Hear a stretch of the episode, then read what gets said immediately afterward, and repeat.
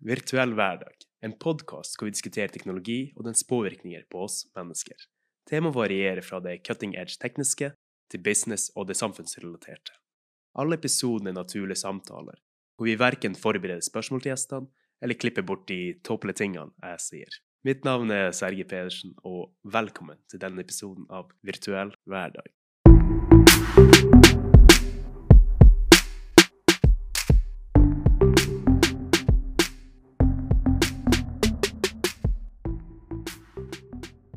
I dagens episode så har jeg med meg Sunniva Rose. Sunniva har doktorgrad innenfor noe så kult som kjernefysikk. Og ikke bare det, men hun har også klart å kombinere det her tunge, tunge feltet med rosablogging. Sunniva har hatt en rosablogg om kjernefysikk i nesten nå åtte år, og kommunisert dette faget til vanlige mennesker på et veldig enkelt og forståelig språk, som gjør at flere og flere har faktisk startet å interessere seg for det her. Noe jeg syns er utrolig kult, for det er en av de tingene vi også prøver å gjøre med teknologifeltet. Forklare det vi gjør på en alminnelig måte, så vi faktisk ser at det er vanlige mennesker som finner på det her. Det er ikke de her supernerdene som vi ser i filmer. Så jeg håper dere liker Sunna sin historie, for jeg syns det var utrolig interessant å høre henne dele. Da jeg var nyansatt doktorgradsstipendiat på Universitetet i Oslo, eh, begynte høsten 2010. Mm. Og så da våren 2011, så jeg hadde jobbet i litt over et halvt år, da skjedde Fukushima-ulykken i Japan. Det var jo da et veldig stort jordskjelv som førte til en veldig stor tsunami. Mm. Denne naturkatastrofen den drepte kanskje 20 000 mennesker i Japan. Men så skadet den jo også eh, Fukushima-kraftverket. Eh, og det ble jo den nest alvorligste ulykken vi har hatt i kjernekraftindustrien Ja, noen gang. Eh, og det som skjedde da, var at um, Altså, jeg holdt jo da på med en doktorgrad i kjernefysikk. Men kjernefysikk er et stort fagfelt. Eh, og kjernefysikk, det handler om, eh, det handler om eh, stråling, altså strålterapi, og hvordan, eh, hvordan man bruker dette til å se inn i kroppen og kurere kreft, og den type ting.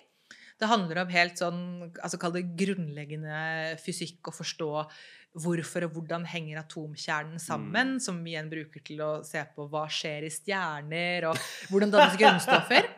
Så i bunn og grunn så dekker vi det meste Jo, men, jo, men, men, men, det, men det er Og, det, det er den siste delen der er det de egentlig kanskje mer jobber med på Universitetet i Oslo. Men jeg var veldig opptatt Altså, jeg ville jobbe med kjernekraft. Mm. Men det var jeg den eneste som gjorde. Så jeg, i løpet av min master så dro jeg til, ble jeg sendt til Paris og fikk kontakter der og fikk jobbet opp en god kompetanse. Og så fortsatte jeg da på doktorgraden. Ja, for du ville gjøre det her før Fukushima-ulykken? Ja, altså det, Dette var helt uavhengig av Fukushima. Mm. Så nå kommer da Fukushima-ulykken, og da var jeg plutselig en ekspert på Universitetet i Oslo. Og det var jo veldig rart, fordi at det, du er jo veldig sånn veldig sånn kunnskapshierarki på, på et universitet. Det er jo ikke så rart. Men liksom, så, så, selv om jeg holdt med doktorgrad, så følte jeg at men jeg kan jo ingenting. Fordi jeg er jo bare, bare stipendiat. Jeg er jo ikke professor. selv om jeg kunne jo litt, da, med en master pluss pluss. Eh, men iallfall, så da Og da begynte telefonen å ringe hos meg. Eh, journalister som lurte på liksom hva er hva? Stråling? Hva er det verste, som kan skje-? Hva er verste, verste, verste worst case scenario? Og da eh, er det jo da sånn at eh, jeg kunne latt være å ta den telefonen. Eh, de kan snakke pent på universitetet om at eh, formidling er viktig og, og sånn, men det er ikke det du det er ikke det du er ansatt for å gjøre allikevel. Men jeg kjente veldig på det derre samfunnsansvaret, fordi jeg skjønte veldig raskt at veldig mange mennesker, også her i Norge, var redde. Mm, tviler ikke. Og det handler jo egentlig litt om å bare ikke bare avfeie folk. For det er veldig lett da for meg som eh, fysiker med den kunnskapen jeg hadde om stråling og, og sånn, å si liksom Herregud, dette er ikke noe å være redd for. Som jo er sant, i hvert fall her eh, i Norge, og stort sett også for folk, de fleste, i Japan. det som er risiko med ikke uttale seg på sånne ting også, er at journalistene bare spinner videre med Ja. historien. Men, men, men, så, men så tenkte jeg veldig fort på at ja, men, men folks frykt er jo helt reell uansett om de har en grunn til å være redde eller ikke. Og da, da må du jo ta det på alvor. Og jeg mener liksom, her er jo her er jo medisinen her er jo kunnskap. Mm. Så jeg kjente veldig på det der samfunnsansvaret. Så var det sånn, ja, ok, men jeg er jo, jeg er jo faktisk ansatt i eh, altså, ansatt for skattepenger, og det er, jo, det er jo sånn jeg kan gjøre den jobben, så nå skylder jeg på en måte samfunnet dette her. Så det var på en måte starten på det, men veldig fort så kjente jeg også en veldig stor sånn, eh, tilfredsstillelse i det å snakke om faget og forklare faget og få med meg folk, da. Mm. For det jeg opplevde, var jo at eh, når jeg brukte tid på dette her og sa OK, du har stråling, og det er alfastråling, betastråling altså, Og gikk ganske nøye gjennom ting, så var liksom folk med, og så var det, de, liksom, kom de fram til sine egne konklusjoner som var sånn Å ja, så akkurat det er kanskje ikke så farlig, mens dette er Altså fikk man den nyansen, og, og det var bare utrolig Det var deilig, rett og slett. Jeg tviler Men- ikke. Det er den samme opplevelsen når man klarer å lære noen som en lærer. Ja, ikke sant? Så det var, wow, de faktisk forstår det, og de er interessert i det. Nettopp! Og folk var jo kjempeinteressert da i mitt fagfelt. Og det er jo Mm. sånn altså Jeg snakker med folk Jeg var og holdt et foredrag her for, um, for Komputas, som er en eh, tech eh, altså bedrift. Mm. Eh, og som jeg sa at eh, Herregud, altså alle omtrent er jo kjempeinteressert i deres fagfelt nå. Folk lurer jo på hva, skjer, kommer robotene, forsvinner jobbene? Mm. Hva er big data, hva er kunstig intelligens? Det er jo kjempegøy når folk er interessert i fagfeltet ditt. Men ja, så tilbake da til, så da kjente jeg på det, og, å, og det ballet liksom på seg. Og, og da, men selvfølgelig så var det også en del Nå var jeg veldig på noe, ja, ja, og folk forsto det, og det var fint. Men selvfølgelig kommer jo også det derre Altså, de samme spørsmålene kommer igjen, og de kommer igjen, og det er sånn herre den der helt sinnssyke ideen om at, eh, hvis, altså, at stråling det er helt unaturlig. Hvis, hvis du blir utsatt for det, så blir du på en måte uh, mutant ninja turtle. Og, altså, helt den der. det høres Altså. egentlig bare positivt ut, men greit. Ja, på den negative måten, da. Ja. Og så blir du, etter hvert så blir du litt lei også, Mm. når det blir veldig, veldig mye på en gang. Eh, Så da, til slutt, som en spøk, så sa jeg til en god kompis som sa at eh, Sunniva, du burde jo starte en blogg, fordi der kan du, der kan du oppsummere disse Altså, du kommer til å få de samme spørsmålene om Mm. igjen. Og det var jo sant. Eh, Og jeg sa bare ha-ha, da måtte det vært en rosa blogg i hvert fall. Og så lo vi av det. Og så. Mm. Men det hadde liksom Det hadde vært plantet et frø da, i hodet. Så det, dette skjedde før sommeren. Og så på andre siden av sommeren, jeg tror det var tidlig i september da, i 2011, da eh, var jeg litt sånn dagen derpå etter en um, sånn, sånn som man noen ganger kan være. da de beste ideene selvfølgelig kommer til en. Nettopp. Men det var sånn, ikke sant, når man da har vært ute med folk på jobben midt Mm. i uken, og man, så man er på jobb dagen etter, selv om man kanskje skulle ønske man var hjemme og sov.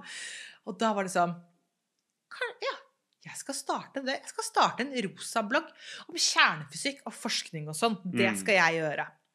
Eh, Så da gjorde jeg det. Og så det var liksom sånn Jeg følte spesielt da kan jeg kjenne litt på det, men da var det sånn Det var litt sånn litt sånn schizofrent, fordi på den ene siden så skrev jeg veldig sånn veldig naivt språk. Det har jeg jo ofte fremdeles, men Men ja, hvor det, hvor det handlet den derre ja, altså jeg bare har blitt veldig klar over hva er det folk er redd for, hva er det folk kan, hva er det folk ikke kan, og ja, hvor var det vi begynte nå egentlig, hvor, du, hvordan jeg startet bloggen, men Ja, eh, en av de tingene som jeg syns er veldig interessant, er akkurat det å spørre om hva du mener med naivt språk. For en av min forståelse for det er at kan du forklare noe enkelt, så betyr det at du virkelig mestrer det. det er... Du hører veldig mange eksperter de uttaler som er veldig malende, fargerike, Ja. store ord. Ja, og jeg er helt enig i det. Mm. Eh, og det er også, og det er litt morsomt også, for det, sånn, altså, det vet vi jo fra forskning på læring Mm. også, at det å faktisk eh, Det å forklare for andre er det ekstremt mye læring i. Så det derre hvis du Det å, å hjelpe en medstudent eller medelev, da, det er noe mange er litt sånn redde for. Sånn, nei, jeg skal ikke dele kunnskapen min.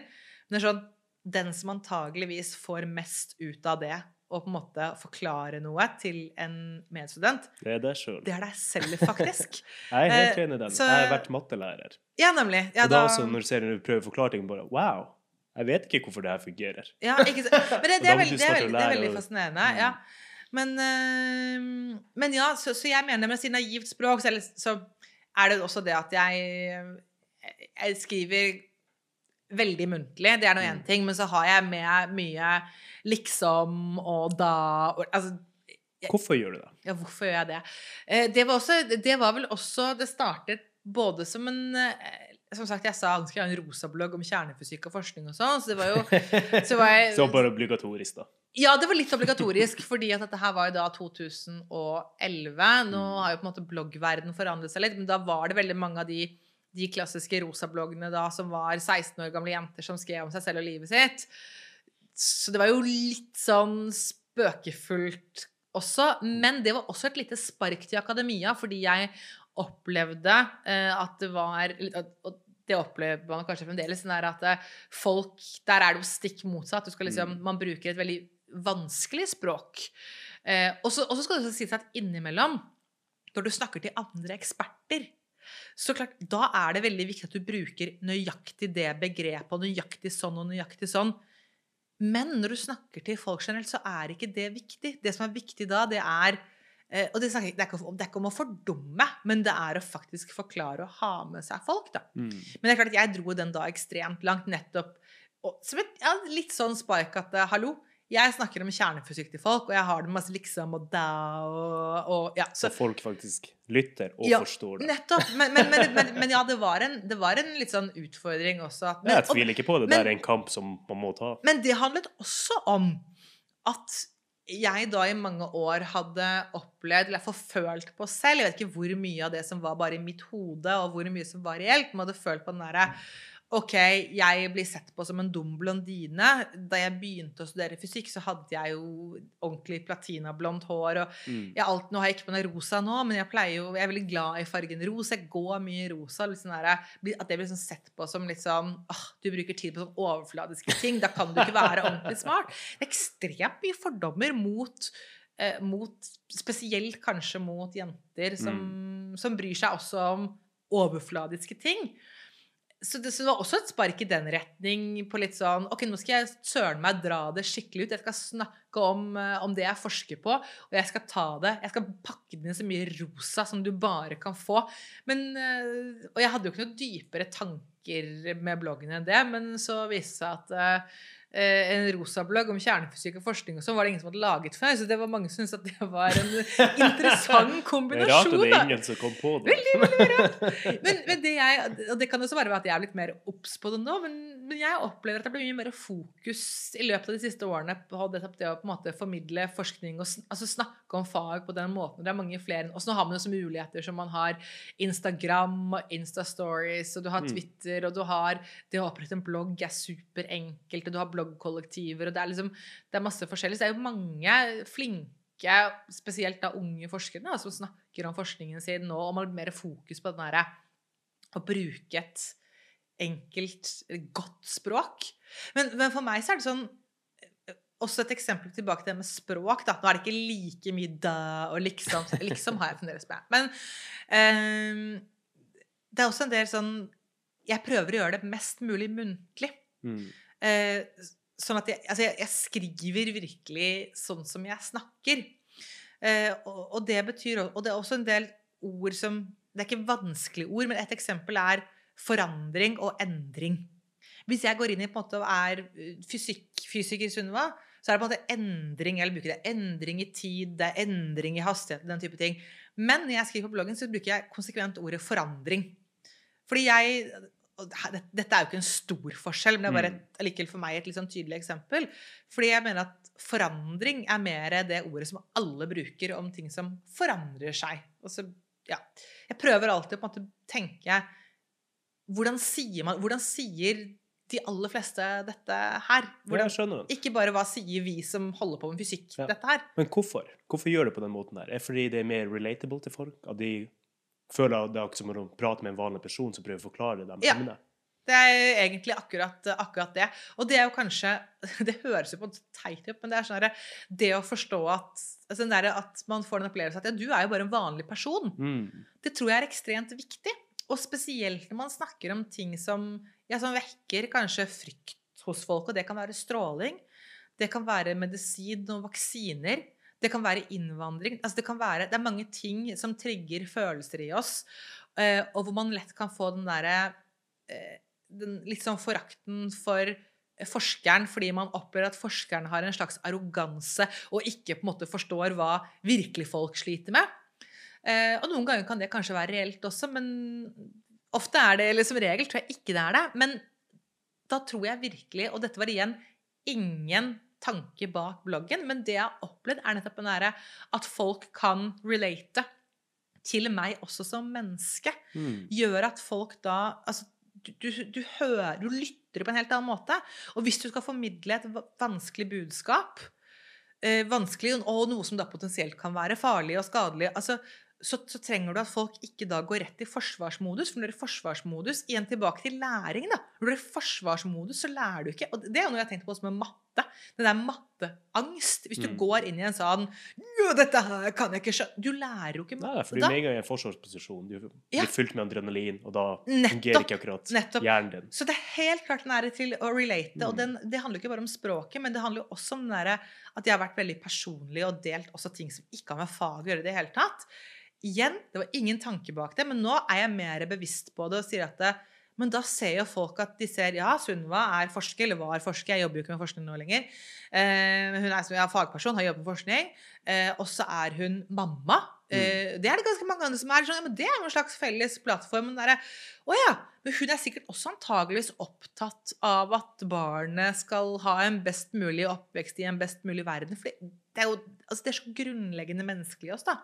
Og det å på en måte se at det, alt det vi har til felles, så ja, relate Jeg tror det er kjempeviktig, og der tror jeg kanskje at det er mange som kan ha Det er et utviklingspotensial da, for, for mange innenfor si. eh, akademia og tech og mange områder, tror Men jeg. føler du at de har blitt flinkere på det eller ikke? Fordi en av de tingene som jeg tenker i hvert med Twitter og sosiale medier, er at folk har blitt mye mer vant til å prate om sitt daglige liv også, Mm. ikke bare fagfeltet sitt. Og vi ser at noen har tatt den stafettpinnen, sånn som deg, Mm. Ja. og starter å gjøre det til og med innen tech. Ja, jeg vil absolutt si at folk har blitt mye flinkere. Det har blitt mer fokus på det. Og jeg har Mm. da sett dette veldig mye fra akademia sin side. Og det har blitt mer og mer fokus på det i akademia. Jeg har vært med og sett også vært med og undervist eh, kurs på, på Matnat-fakultetet på UiO f.eks. Som, som handler om kommunikasjon av forskning for, for både bachelorstudenter og masterstudenter. Det er absolutt i riktig retning. Det er riktig retning. Og der er jo liksom og der er man gjennom skrive kronikk, lage blogg, Mm. lage plakat, altså alle disse tingene. Jeg er også veldig på at vi må ha en debatt. Vi må lære oss, fordi det er eh, Jeg tenker at eh, Jeg er jo da realist, så jeg snakker veldig for Men, men, men realistene og teknologene er definitivt en del av samfunnsdebatten. Mm. Men vi er ikke på en måte trent i den type kommunikasjon. Det Og det blir ofte et problem når du gjerne da møter aktivister på den Mm. andre siden, som har en helt annen måte å uttrykke seg på. Og jeg sier ikke at det er feil, men når da spesielt akademikeren, som er trent i alle, å komme med alle sine forbehold Fordi det er sånn Ja, OK, med, med så og så stor sannsynlighet så kan vi jo si at dette er sånn, men vi har jo Mm. Ikke sant? Og det er Og liste av antagelser og hele. Nettopp. Og så kommer aktivisten og sier vi vet at det er sånn, ikke sant? Og, da, og, er, og, hvis, du, og hvis du da ikke kjenner fagfeltet, og kanskje heller ikke kjen- Mm. er klar over den der forskjellen mellom aktivisme og akademia, satt litt på spissen, hvem lytter du til da? Lytter du til den som er klar og tydelig?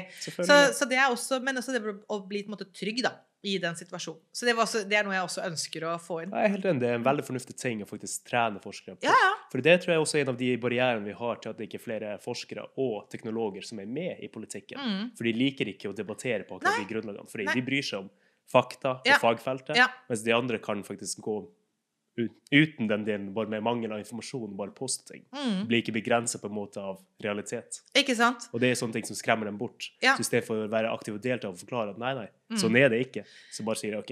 Men, men, jeg, men jeg er også veldig enig, og jeg har opplevd også selv altså, Jeg har vel Jeg tror jeg har takket hver eneste gang jeg har tatt telefonen, og det har vært en journalist som Mm. spør Hei, kan du si noe om dette? Hvis det er da mitt fagfelt, det har skjedd jeg har sagt her snakker du med feil person. eh, Du må snakke med denne Og så sender jeg videre til andre personer. Men det, det, det er også viktig at du skal ikke uttale om ting du på en måte ikke kan. Og si 'jeg er fagperson', og så snakker du om ting du ikke kan. Eh, Men, men alle de gangene jeg har blitt spurt om ting som jeg faktisk kan om, så har jeg sagt ja, jeg svarer gjerne på spørsmål.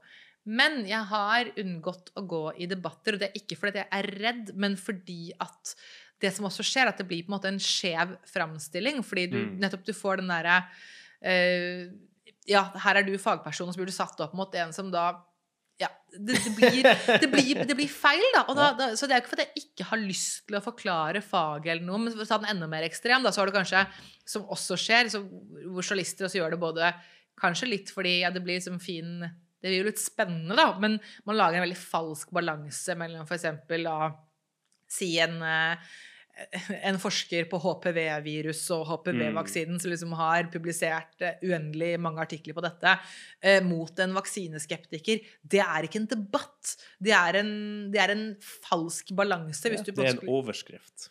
Det er en overskrift. Det er en clickbait. Det er, mm. det er det det er. For det er det som fungerer. Og ja, det er dit bransjen beveger seg litt, fordi de må også tjene penger. Ja, de konkurrerer mot clickbate. Det er, og det er jo trist, og da er vi over hele Ja, også. men det er vi som i bunn har skapt den bransjen. Ja, men det, men det, er jo også, det, det, er jo det jeg er redd for ja. med, på en måte, med, med ekkokammereffekten av, eh, av, Facebook og Eller altså overalt, da. Mm. Jeg er jo veldig Altså, jeg er jo sånn jeg elsker jo, eller jeg, jeg, elsker mye mer enn jeg hater, i hvert fall, at jeg får uh, persontilpasset reklame og den type ting. Mange blir sånn 'Hvordan vet Facebook dette?' Jeg er sånn oh, så gøy! Så jeg, og, jeg, og mannen min, han er også fysiker og jobber, eh, så, altså jobber som uh, software engineer i mm. og, så, så, og, og, begge vi er sånn å, det er så deilig! Nå får vi opp reklame for liksom har vi, For vi har bestilt noe tur til, til Hellas i sommeren. Mm. Sånn Nå kommer det reklame om ting som Det er jo kjempedeilig. Ja, helt til du ser Å, den turen er bestilt til på halv pris nå. Ja, det er det er jo kjipt. Men, men, men, men, saken er at men, jeg tenker jeg har et veldig bevisst forhold, forhold til det. Men det, mm. som, det som selvfølgelig er kjipt med det, er jo at eh, kunne, kunne, man kanskje gjort et eller annet med at uh, nyheter skal ikke fungere på det jeg, altså, jeg, jeg vet ikke. Jeg har ingen Vi har diskutert det tidligere på denne podkasten også, men det er en ting som er ufattelig vanskelig å gjøre noe med. For du har to måter å gå der. Du kan gjøre det totalt nøytralt, sånn som det var før i tiden, og det ikke tilpasser det i det hele tatt. Mm. Eller du kan starte å tilpasse. Om ingen du starter å tilpasse der, så er det veldig sånn slippery slope på hva du skal presentere. Ja. For skal du presentere ting som folk er villige til å lese, mm. men da kommer det mest sannsynlig til å aligne med deres personlighet og det de ønsker å lese. Og da havner du i akkurat der nøyaktig det er, nett, det, det er nettopp det. Så det er, eh, jeg har hvert fall ingen, Dette har jeg ikke tenkt nok på i det hele tatt, men jeg Nei, det er en veldig stor utfordring. å ser det starter å bevege seg dit, og det er som skummelt. Jeg syns det er kjempeskummelt. Mm. Det er jo virkelig eh, altså, Jeg er jo veldig, ja, veldig glad i data og se, altså verdien i data og, og, det der, men det er jo også da det skumle med det. Mm. Jeg er jo på en måte Jeg har jo bevisst på en måte, hva skal jeg si, Facebook-policy på Altså, jeg får relativt mange venneforespørsler, spesielt hvis jeg har vært og sagt et eller annet altså, Sånn som i går, da, så var jeg intervjuet i den mest delte saken på nrk.no om, om, kjernekraft. Og da, mm. i dag har det liksom ramlet inn med venneforespørsel hele dagen. Eh, og jeg, så lenge, jeg sjekker jo på en måte er dette en bot, eller, eller, er det en eller annen random fra et eller annet annet land. Men, men hvis det er folk som er sånn ok, de har antageligvis lest noe om meg og er nysgjerrig, da sier jeg accept, accept, accept. Og, så, og, da kommer det selvfølgelig også da folk som på en måte representerer det jeg ser på som kanskje noe av det verste, som er ekstremt De er rasister, de, mm. de er de, de, altså de, snakker dritt om innvandring Altså uansett, selvfølgelig kan man diskutere ting, men er, Altså i feeden din, eller feed, direkte til deg? Nei, nei, nei, ikke til okay. meg, men det dukker Nei, nei, nei. nei, nei, nei. Så aksept accept, øh, nei, men det dukker opp i feeden. Ja. Uh, og, så, og da er det jo veldig fristende å være sånn uh, blokker, og jeg vil ikke være venn med deg. Men så jeg tenkte at ja, hvis jeg gjør det så Du får ikke realiteten av hvordan Nei, jeg får ikke realiteten av hvordan ting er. Og så, mm. så jeg har tenkt at det er veldig sunt å se hva slags ting folk spyr ut av seg.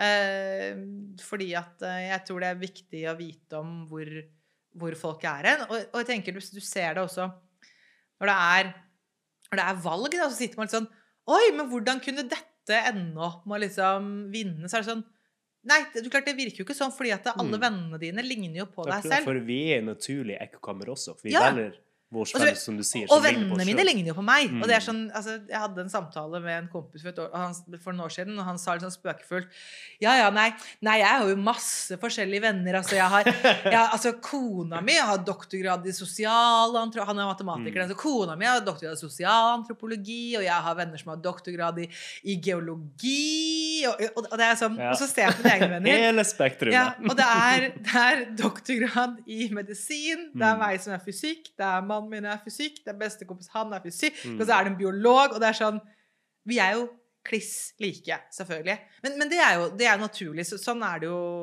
Altså, man har jo på en måte De vennene man faktisk omgås, selvfølgelig er de på en måte speilbilder av deg selv. Mm. Men jeg tror det er nyttig sånn fall å se i eh, Få den derre feeden, da. Hvordan verden faktisk er. Ja, og det gjør jo kanskje også at um, Ja, da, da ser jeg litt andre ting også. Men jeg har jo også en Mm. Tidligere kollega og god venninne som Bare har mastergrad. Nei, hun, nei hun, hun, har, hun har doktorgrad og to postdokker, ja. så hun er kommet lenger enn meg. En tidligere kollega, som sagt, så det er en annen forsker på Fysisk institutt. Kjernefysiker.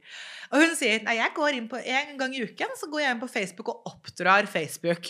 Og det gjør hun da ved at hun, eh, at hun, slår opp i en ordbok, en altså gammeldags ordbok, Mm. tilfeldig. Og så finner hun da Peker på et, et ord, som, og så finner hun liksom det navnet som da er nærmest Og så søker hun opp og bruker det på et eller annet vis til bare å finne et tilfeldig navn på sin venneliste, som jo kan være hva som helst. Og så går hun inn da på Nei, de ti, ti øverste navnene eller et eller annet sånt som er som folk som bruker den ordboken du slår på. Og så trykker hun like på tilfeldige ting i deres feed for at, eh, for at Facebook skal bli litt, litt forvirret. Da, for, at, for å prøve å få Det kan være veldig farlig. det er for å få litt mindre, litt mindre ekkokammer. Så, eh, men så Mm. Ja, jeg jeg, skjønner fornuften med det også, men du kan plutselig starte å like sånn terrorvideoer og lignende. Hun gjør jo ikke det, da. Hun sier, men sier på en måte tilfeldige okay. ting. Eller at hun måte liker de ti øverste tingene som er lagt ut. Mm. eller noe sånt. Ikke, ikke tilfeldig. Hun ser jo hva det er hun liker. Ja, okay, det, er det, nei, nei, nei. Men mer sånn at hun liker bildene deres. eller Mm. noe sånt. Du går inn på en, en eller annen som altså, Nå har jeg hva da 1500. Det er jo ikke venner. Det er jo bare noen av dem som faktisk er venner. Mange av dem er jo folk jeg aldri har møtt.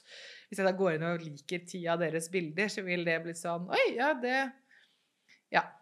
Jeg tror Facebook allikevel kjenner meg ganske godt, men um, Ja, Ja. når man går inn og faktisk ser den dataen som Facebook samler inn, så blir veldig mange overraska over hvor godt Facebook kjenner oss. Ja, det, det samme kan man si om Google, det samme kan man si om Apple. Ja, ja. Men det er klart, for, for oss som har jobbet en del med, med, med data og på en Mm. måte analyse av data, så, så er jo ikke det overraskende i det hele tatt, fordi data er verdifullt. Og, og det tror jeg det er ganske mange som fremdeles Altså, de kan kanskje høre De kanskje si at ja, jeg har hørt Altså liksom Man kan si ja, data er verdifullt. Mm. men faktisk ikke forstår den at data er virkelig verdifullt. Selvfølgelig altså, altså sånn, hvorfor, hvorfor tror folk at de får et sånn type produkt som Google eller Facebook gratis? Selvfølgelig er det ikke gratis. Du betaler for det med dataene dine. Dataene dine er verdifulle. Du ser jo hvor mye både Facebook og Google er verdt. Det er to av de mest verdifulle Ja, ja. i verden. Og de selger bare gratisprodukter. Merkelig. Men de gjør, men de, altså, men de gjør jo ikke det, og det, og, Mm. og det er jo helt, helt åpenbart at de ikke gjør det. Men og selvfølgelig, hvis du da ikke har lyst til å betale med data, så må du betale med penger. Mm. Det er jo faktisk en av de tingene som du vurderer nå. Mm. Å gjøre Facebook til en betalt tjeneste. Ja, nemlig. Men men det er jo også noe, det er jo det Apple har på en måte slått seg veldig på, at eh, vi selger ikke dataene videre, Mm. og så koster det ganske mye. Men, men da, altså, jeg diskuterte mye med mannen min også sånn derre Siri versus eh, Hello Google. Altså, Google er mye bedre på stemmegjenkjenning og sånn enn det Siri er, nettopp fordi Google er Altså, Apple er strengere på, Mm. på data enn det Google er. Og da blir den avveiningen, da. Vil, du ha det produktet som er virkelig bra, og hvor du selger sjela di, eller vil du ha det produktet som er dårligere, hvor du beholder sjela di? OK! Jeg tar ikke noe parti her, Nei, men vil du selge sjela di, så det er opp til deg. Jeg elsker Google. Jeg, jeg er sånn herre Google Mm. jeg, jeg, vet, jeg vet du hører. Jeg Både Google og Kina. Google 24/7. og Kina. Ja, ja nei, men, men det blir jo sånn Ja, hvor eh, Nei, det det det er utfordrende, det der Mm. altså, personvern og, og sånn. Jeg kan ikke nok om det. Tror jeg veldig få av oss kan nok om, egentlig. Ja, jeg tror det er også en av de tingene som vi kommer til å fokusere veldig mye på framover. At Mm. folk kommer til å bli mer bevisst på det, og kommer til å være mer interessert på det. Og Mm. kommer til å også ettersøke den type informasjon. Men en av de tingene jeg lurer på før vi går videre fra denne bloggen din, er, for du har jo gjort det i hva, åtte år nesten. Eh, Ja, fra 2011. Ja, det er ja. åtte år det i er september. Yes. Har du fått noen For det, det er jo uunngåelig, da, at det er noen som sier noe negativt på det. Men jeg tenker sånn fra selve akademia, at de sier ok, du kan ikke fortsette å lage en rosa blogg når du er så profesjonell. Det bare fungerer ikke sammen. Da jeg lanserte bloggen, så var jeg kjempenervøs. Mm. Fordi jeg tenkte her kommer alle til å synes at jeg er kjempeteit. Yep. Fordi her sparker jeg litt mot uh, Ganske mye mot akademia, Mm. egentlig, og maler. Og i tillegg kanskje gjør narr på en sånn type måte Ja. som de ikke forstår. Ikke Du De bare tenker OK, hvordan er det hun her kom seg inn? Og jeg, har, og, jeg har jo tatt, og jeg har jo så stått og posert i liksom Mm. rutete skjorte og si Rutete skjorte, det er vel litt som fysiker, er det ikke det? Ikke sant? Så på en måte, som jo er jo å gjøre litt narr av, Mm. eh, av eh, ja, en del av spesielt kanskje eh, folk jeg har studert sammen og sånn. Bare si. Gamle gubber. Ja, men det, det er mindre rutete skjorte blant uh, fysikkstudentene nå enn det var da jeg begynte. Men, uh, men ikke sant? Og jeg har gjort det. Og, og så tenkte jeg også Og så kom liksom Og så har du måttet de mer de pene jentene på den andre siden som tenker 'Hvem er det hun tror hun er?' Liksom. Jeg, var kanskje, jeg var mindre redd for dem enn for, for på en måte my own people. da. Men, Så jeg var kjempenervøs. Men det første som skjedde, var at jeg på en måte skrev vel tre innlegg før jeg på en måte tok og delte den ut og, på Facebook og sa Jeg laget en rosablogg, jeg. Um, og det skjedde, var at folk som, som jeg altså, kjente sånn ganske godt, men som ikke var omgangsvennene mine, folk som jeg hadde kanskje sittet på lesesalen med tidligere, som var sånn herre Oi, så utrolig kult at du har gjort det! Altså, de var sånn positive. Og, så, og det var jo veldig hyggelig, da. At den første reaksjonen var positiv. Og folk delte på Twitter, og det var sånn Mm. Oi, da kom det jo folk innom, og da får du vann på mølla da, til å skrive mer. Og ganske fort så fikk jeg jo ble det plukket opp av, av media at det var en som hadde laget en rosa blogg om kjernefysikk og forskning og sånn. Jeg fikk utrolig mye positivt Mm. med meg. Eh, og det tok jo heller ikke da mer enn et par måneder, eh, ja, fra september til november, tror jeg, før jeg fikk mail av daværende debattredaktør i Aftenposten, som da var Knut Olav Åmås, som jeg som er veldig skikkelig, som sier 'Kan du tenke deg å skrive kronikker for Aftenposten?'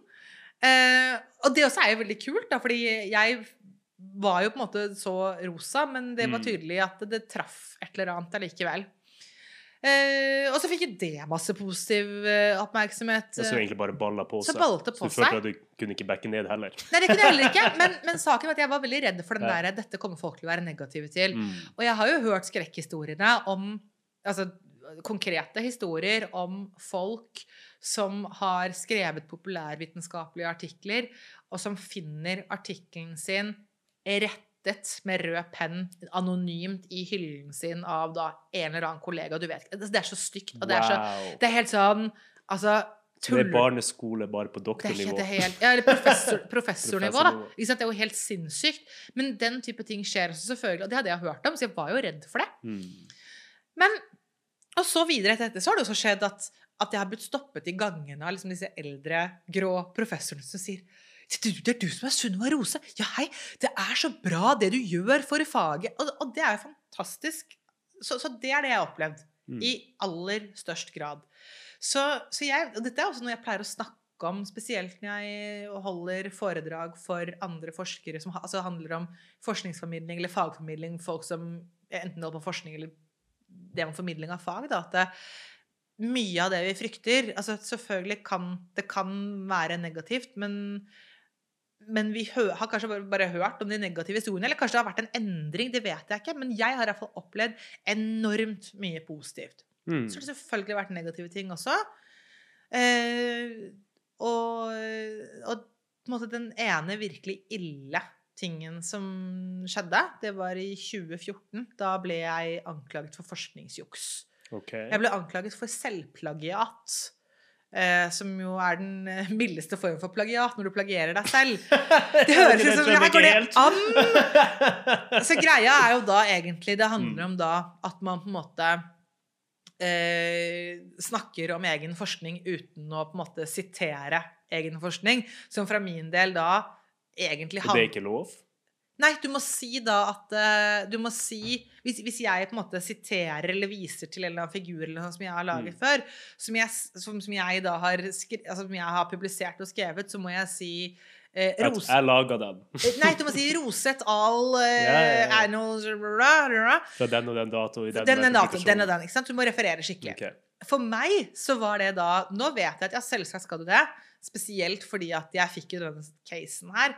Men for meg så var det en, faktisk en slags sånn ydmykhet at jeg skal jo ikke på en måte snakke om meg selv altså Det å snakke om seg selv i tredjeperson på den måten, Mm. det føles veldig rart. Det er veldig sånn Jeg skal ikke tro at jeg er noe type følelse som jeg tror egentlig ganske mange kan, kan kjenne på. Men, eh, men saken var at den anklagen den kom helt anonymt. Eh, Den var selvfølgelig anonym overfor meg, og det, det burde man må kunne, man må jo kunne si ifra om hvis man mener at noen har jukset en forskning. Mm. Og det må du kunne gjøre anonymt. Men den var også anonym overfor hele institusjonen. Og det var det som også gjorde at jeg ble oppringt av dekanen, sånn off the record, som sier Så nå sitter jeg med denne saken her, og jeg må bare spørre Har du noen fiender? Sånn, Den saken er så stygg. Og, den er sånn, og det er egentlig en ikke-sak, men selvfølgelig må vi ta det, ta det veldig alvorlig. For dette er Mm. sendt til de nasjonale forskningsetiske komiteene. Dette her er Vi kan ikke bare avfeie det, vi må kjøre full prosess på det. Men, men jeg tror at dette er noe noen har gjort for som ikke liker det du holder på med. Mm. Og det er vel egentlig det jeg tror også. Selv om selvfølgelig Man må jo finne et eller annet. Det var ikke funnet på. Og det er helt sant at jeg hadde ikke referert skikkelig i da denne saken. Eh, Og det endte jo da med at jeg, jeg trakk jo tilbake den der hvor jeg ikke hadde på en måte referert til meg selv på en skikkelig måte. Mm. Så nå skal det i hvert fall være ryddet opp i. Men, eh, men det jeg også tror da, var nok at jeg tror at eh, fakultetet fikk litt grann småpanikk, fordi nå utdannes det ganske mange unge forskere, altså eh, folk som tar doktorgrad, og kanskje man ikke har så god kontroll på at de faktisk lærer alt det de skal lære. Sånn som for eksempel, hvordan er det du gjør dette her helt sånn skikkelig? Hvordan vet man at alle har fått med seg dette her? For det er i hvert fall aldri min intensjon å gjøre det på en skikkelig måte. Nei, gjøre dette på en uskikkelig. Det var min Mm. intensjon å gjøre det på en skikkelig måte. Og hadde jeg bare referert og sagt Roseth Dahl. Eh, 2011 eller 2012 eller hva nå enn, så hadde det jo vært greit. ikke sant? Jeg tror det er ganske umulig Mm. å havne i en sånn situasjon da, når du har blogga i åtte år Mm. og har så mange som liker det, Mm. som de gjør, Mm. og ikke faktisk få et par fiender også. Nettopp. Men Det er så det, det, er liksom, det er det aller verste som har skjedd. Mm. Og så er det selvfølgelig folk som sender meg ganske sånn sinte mailer etter jeg hadde holdt et sånn TEDX-foredrag eh, for noen år siden. Det var også 2014, faktisk. Mm. 2014 var tydeligvis det var året for eh, Som jeg kalte 'Why Science Should Be More Pink'. Mm. Eh, og selvfølgelig så bruker jeg jo rosa som en sånn Det handler ikke bare om fargen rosa, men det er jo altså, Jeg bruker er rosa symbol, også. Det er et symbol. Og, det, og jeg, snakket om, jeg snakket om mangfold. og Jeg snakket om Mm. hvorfor argumenterte for hvorfor mangfold er viktig. Og dette med at det, forskjellige, forskjellige mennesker og mangfold det handler, det handler om kjønn, det handler om bakgrunn, det handler om etnisitet, interesser Altså alle disse tingene her. Og hvorfor det er, hvorfor det er bra og viktig når vi skal eh, altså, gjøre forskning, utvikle teknologi som er for et mangfoldig samfunn. Det var det jeg snakket om, men selvfølgelig pakket inn i rosa. Og det er også litt fascinerende hvor provoserende det kan være for en del. For denne personen her hadde jo hengt seg helt opp i det rosa. Og det var verdens lengste mail som var Altså, den var sånn Jeg ble jo ikke lei meg over det, men kanskje fordi jeg følte at jeg sto så støtt. Fordi jeg har fått så utrolig mye positivt. Mm. Eh, men det var jo sånn latterliggjøring, og det var sånn Ja, jeg burde kanskje eh, Ja With my magical pink sparkly one to bring it back to terms that might interest you. Altså, det var, det var direkte sitat fra denne mailen her. Eh, og det var sånn Jeg håper du blogger om den. eh, Vet du hva, det tror jeg jeg skal, det, det burde jeg Ja, gjøre. det der høres Eh, ut som et veldig bra innlegg. jeg tror, at, jeg tror at der og da tenkte jeg at dette må jeg svare på på en skikkelig Mm. måte. Og så da ventet jeg, og så egentlig jeg, jeg gidder ikke. Og det er også noe jeg har, har bestemt meg for at Ikke at jeg ikke skal gi svar til folk. Det, det ideelle er jo å kunne svare alle. Alltid. Mm. Men det tar mye tid. Og hvis man da skal si at nei, hvis jeg ikke kan svare alle, så kan jeg ikke på en måte gjøre ting, da har jeg landet på at det, det er bedre å skrive og gjøre noe, uttale seg, skrive en kronikk og heller si Nei, men jeg rakk ikke Jeg har ikke tid til å være med i hele debatten etterpå. Eh, Eller, eller kjenne på at eh, jeg har et eller annet å komme med, men jeg syns faktisk det er ubehagelig å se eh, debattkommentarene Mm. etterpå, så det la jeg, jeg skjermer faktisk meg selv for det. Uh, og, og det var også noe jeg merket etter, for da hadde jeg hatt skrevet en kronikk som handlet litt, var mer på jenter og likestilling, og litt den derre utfordret egentlig noe jeg har sett som bekymrer meg litt, eh, som jeg ser unge jenter ikke alle, altså ikke alle, og kanskje ikke mange, men, men man ser unge jenter komme med, med kommentarer i, uh, i, kommentarfeltet til bloggere som Caroline Berg Eriksen og på en måte disse, altså fotballfrue. De, uh, de på en måte store, klassiske mm, kvinnerosa-bloggene. Som selvfølgelig de fronter et veldig perfekt liv, og, og så ser du da nesegrus beundring fra 16-17 år gamle jenter mm. som sier at å, det er så, det er så flott, og å, jeg drømmer om, måte, om å ha det sånn som deg, og ha, om ditt liv, og, og, kanskje møte en mann med litt penger i baklomma, mm. blunk, blunk. eh, og er derre å kanskje møte en mann med penger eh, i baklomma. Og så tenker jeg, du hører aldri en 17 år gammel gutt si om at jeg drømmer om å møte en kvinne. Det er sånn, da tenker du jeg må, ja, jeg, altså, Og det er ikke noe galt å ønske seg penger. Men, skjønner, men det må du jo fikse sjæl. Mm. Du må jo altså, Så jeg sagt, det som pleier å si spesielt når jeg holder ned foredrag rettet mot eh, yngre jenter og så pleier jeg å si det litt sånn spøkefullt, at det, det pleier å gå hjem at det kan jo hende at du møter en skikkelig ålreit fyr som eh, som ikke har penger. Han kan jo være kjempegrei for det. Det går jo faktisk an. Og det er sånn Ja, det gjør jo faktisk Ja, han er fattig, så ja, altså, altså, her, altså, Men sånn eller, eller eller, eller, kanskje du ikke møter noen, da. Mm. Skal du være avhengig av å møte et annet menneske for å på en måte oppnå den, Dine mål for å være lykkelig? Ja, den materialistiske drømmen din. Mm. Det er ikke noe galt å ha en materialistisk drøm, det tenker jeg det må da være lov. Men den kan du jo fikse selv. Og så kan på en måte kjærlighet komme som en slags på en måte bonus på toppen av alt. Mm. Faktisk, jeg, jeg giftet meg jo eh, for bare noen måneder siden. Uh, og, jeg i min tale til, til min mann snakket faktisk om det at uh, vi to, vi klarer oss alene, hver for oss. Og det mener jeg er en kjempebra ting, fordi vi velger hverandre hver mm. eneste dag. Det er ikke fordi vi må være sammen. Vi, vi må være sammen, men yeah. det er noe helt annet. Men det er ønsker ikke behov. Nei, nettopp. Det er ikke et faktisk behov. Mm.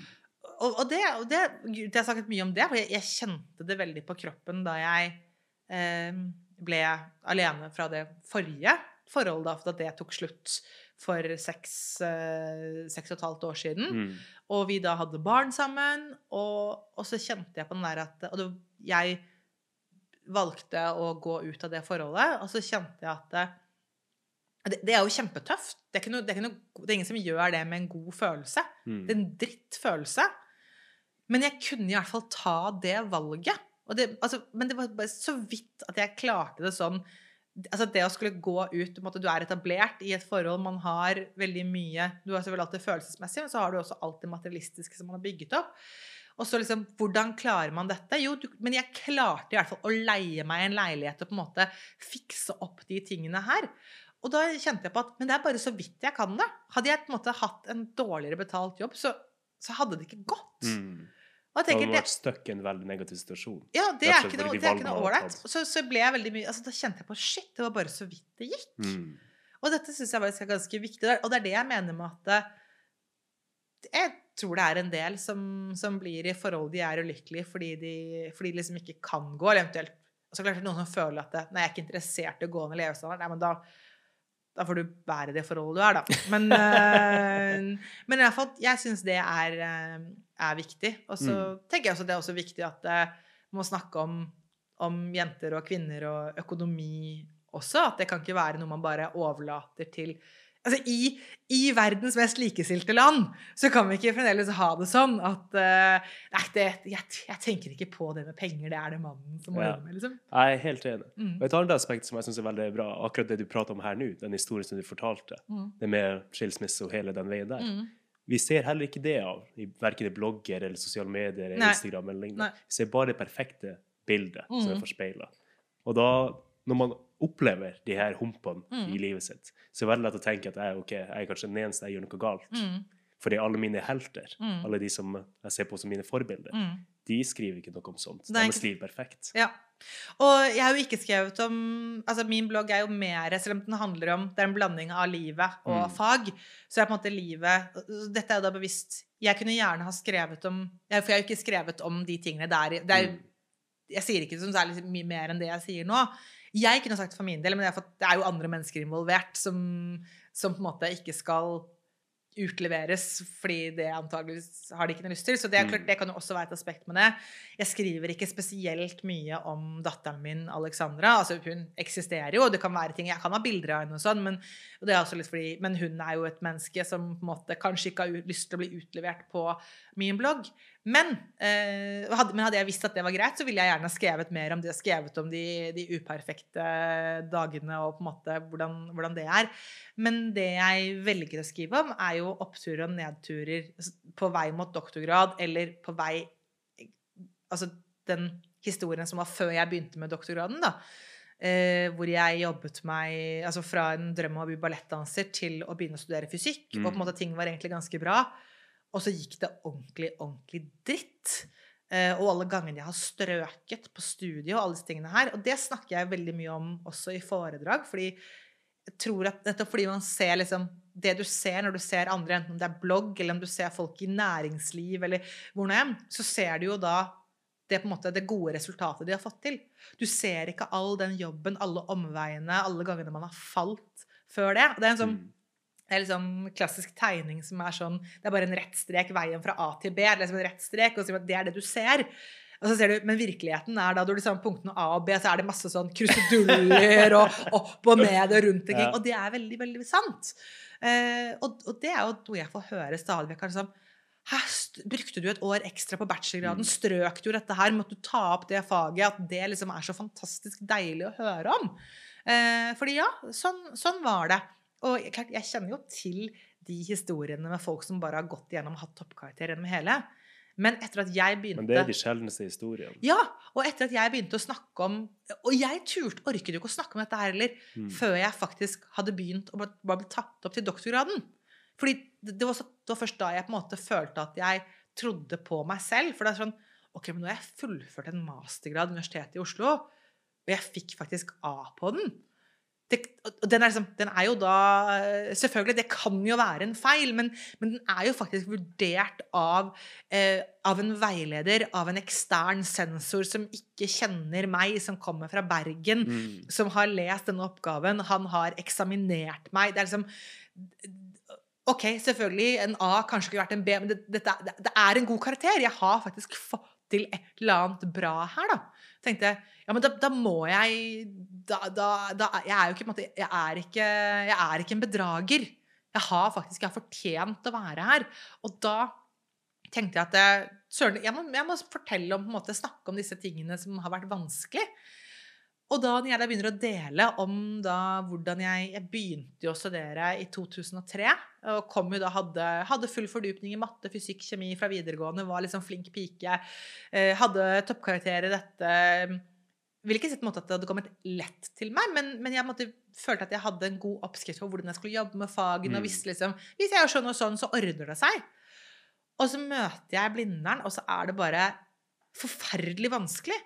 Og det er liksom, jeg sitter der med matteboken foran meg og opplever den derre Ja, men jeg, jeg, jeg- jeg skjønner ikke hva de spør om. Jeg, jeg vet ikke hvor jeg skal begynne. For jeg, jeg, forstår, forstår Mm. ikke Gikk jeg glipp av et par sider? Ja, ikke sant? Den følelsen der som du sikkert har sett hos Ja, dine elever absolutt. som mattelærer. Jeg føler den sjøl. Ja, og, det, og det er helt forferdelig, fordi da føler du deg dum. Og Mm. det å føle seg dum er Veldig demotiverende. det er ekstremt demotiverende. Og da, og igjen da, og da får du den angsten, og du Mm. får, går i forsvarsposisjon, så går det dårligere. Og så Så kommer nei, kanskje jeg ikke liker matte likevel. kanskje du ikke gjør det, og så kommer jo eksamen, og så Mm. går det ikke så bra. Og da har du fått bekreftet at det er, du er jo dum. Mm. Og da går det enda verre. Og så havner du i en sånn negativ spiral. Det som da er urettferdig, er hvis du klarer å snu hvis du kommer til den positive spiralen, så får du stikk motsatt effekt. Så det er som, de blir forsterket så veldig i hver sin, hver sin retning. Men så begynte jeg å snakke om dette her. Da, hvordan det hadde, måte, jeg hadde startet Første semester så fikk jeg vel C-er. Neste semester fikk jeg D-er. Tredje semester klarte jeg to eksamener. Fjerde semester fikk jeg én E i ett fag av tre, og resten var stryk eller falt fra.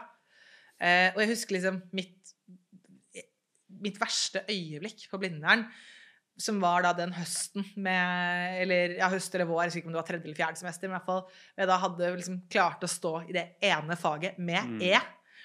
Og jeg bare sto midt ute på Fredrikkeplassen, som liksom er en plass på, på campus på Universitetet i Oslo. Og jeg bare hører at følelsen at det er, sånn, det er bare grått rundt Du bare meg. ser regnet starter. Det, det, var, det var regn. Jeg bare, sto, jeg bare gråt. Jeg bare sto der og bare gråt og kjente at det, jeg, er, jeg er totalt mislykket. Jeg Mm. er Jeg fikk OK, det, jeg ble ikke danser. Jeg kan jo ikke studere fysikk. Jeg kan, jeg kan ingenting, faktisk. Eh, og jeg tror mamma måtte komme og plukke meg opp. Og det var bare altså det var helt den totale breakdownen som kommer og det, det, var, ikke- det var ikke den ene dagen, for det har Mm. bygget seg opp til å bli verre og verre og verre. Og du mister bare totalt troen på deg selv. Og jeg er ganske sikker på at hadde jeg da gått til en slags sånn studentrådgiver så er sånn, Jeg hadde jo åpenbart bare gått nedover og nedover. Jeg tror jeg ville blitt rådet til å slutte å si at eh, du bør kanskje komme deg over på et annet eh, studium, fordi dette er kanskje ikke riktig for deg. Mm. Og det ville de jo på en måte hatt rett i med det de ser av det jeg gjør da. Og så på et eller annet vis så klarte jeg å snu det. Eh, Hvordan gjorde du det? For jeg tror det er den delen der som er veldig interessant for mange å høre. Det handler mange i hvert fall- føler seg i den situasjonen. motivasjon er kjempeviktig. Og det er klart når du står der og har, du, du stryker og alt er dritt, så er du ikke motivert. Mm. Men så fant jeg dette med at det var altså, Så det vi har tittet på da, ikke de, ikke de fagene eller kursene som på en måte var en del av det på en måte Her er oppsettet til bachelorgraden din i fysikk, dette er de fagene du skal ta. Så er det jo andre fag også. Og det var, først var det et fag som het miljøfysikk. Det var sånn, egentlig veldig et sånt fag som Ja, det er Fysisk institutt som har det, men det er egentlig lagt opp til at eh, alle som er interessert i miljø og fysikk, kan, kan ta det. Det, er liksom, det er enkel matematikk Mm. og, og sånn. Det krever ikke den universitetsmatematikken. Eh, og det det handlet om, det var, det var todelt. Det ene var eh, UV-stråling og den type, den type ting. Det husker jeg ikke så mye av, men andre delen var radioaktivitet. Eh, og det var, sånn, det var veldig spennende med radioaktivitet og stråling. Og det var egentlig min første introduksjon da, til det som til slutt ble det jeg tok eh, master- og doktorgrad i. Og, og, hun, eh, hun professoren vi hadde, hun, eh, hun kjenner jeg, hun var også hun som til slutt ledet disputasen min da, i, i det faget der. Det var første gang jeg hadde en kvinnelig professor. Så var da, da var jeg kommet til tredje året på fysikk eller noe sånt, og egentlig Mm. bare møtt menn. Jeg visste at det var kvinner, men bare det, det var sånn hyggelig å si. Ja, det er faktisk en kvinnelig professor her Mm. også. Og, eh, og hun Først så var det vel altså, Og dette handlet jo om da på en måte bruke faget til å på en måte se på andre ting. Hun sa OK, nå er uh, Ja, det var de, altså de klassiske oppgavene man man skal løse i fysikk. Det er jo, det er jo matte, egentlig. Du skal liksom Mm. finne et eller annet som er to streker under svaret. Men her var det sånn Ja, nå kan dere skrive Nå kan jeg tenke at dere kan skrive et innlegg til avisen om hvorfor bør man Eller hvorfor eller hvorfor skal man ikke bestråle krydder, f.eks. For eksempel. Fordi du, du kan ta krydder og bestråle det med eh, ioniserende stråling, altså det som fra, kan komme da fra radioaktivitet. Eh, og det kan, på den måten kan du effektivt drepe mikrober og Mm. bakterier. ikke sant? Men fordi folk da har Mange har en sånn type strålingsfobi, og man da er nødt til å oppgi på pakken at den er bestrålt, så, så ender man opp da med å la være å bestråle istedenfor, fordi folk vil ikke kjøpe det. Ja. For de tror at maten så spiser folk de her mikrobene og bakteriene. Så får du plutselig E. coli Mm. i krydder, ikke sant? Som har endt opp med å drepe små barn. Mm. Mm. Som man da kunne ha tatt livet av eh, enkelt med, med ioniserende Det høres veldig likt den her GMO-historien. Det er def- nøyaktig det samme.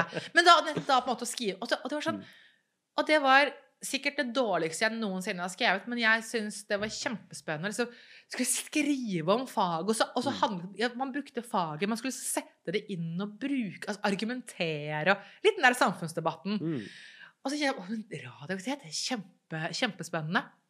Da begynte det å skje et eller annet. Jeg, det faget fikk jeg B i. Det var første karakteren jeg fikk som kunne defineres som å være en god karakter.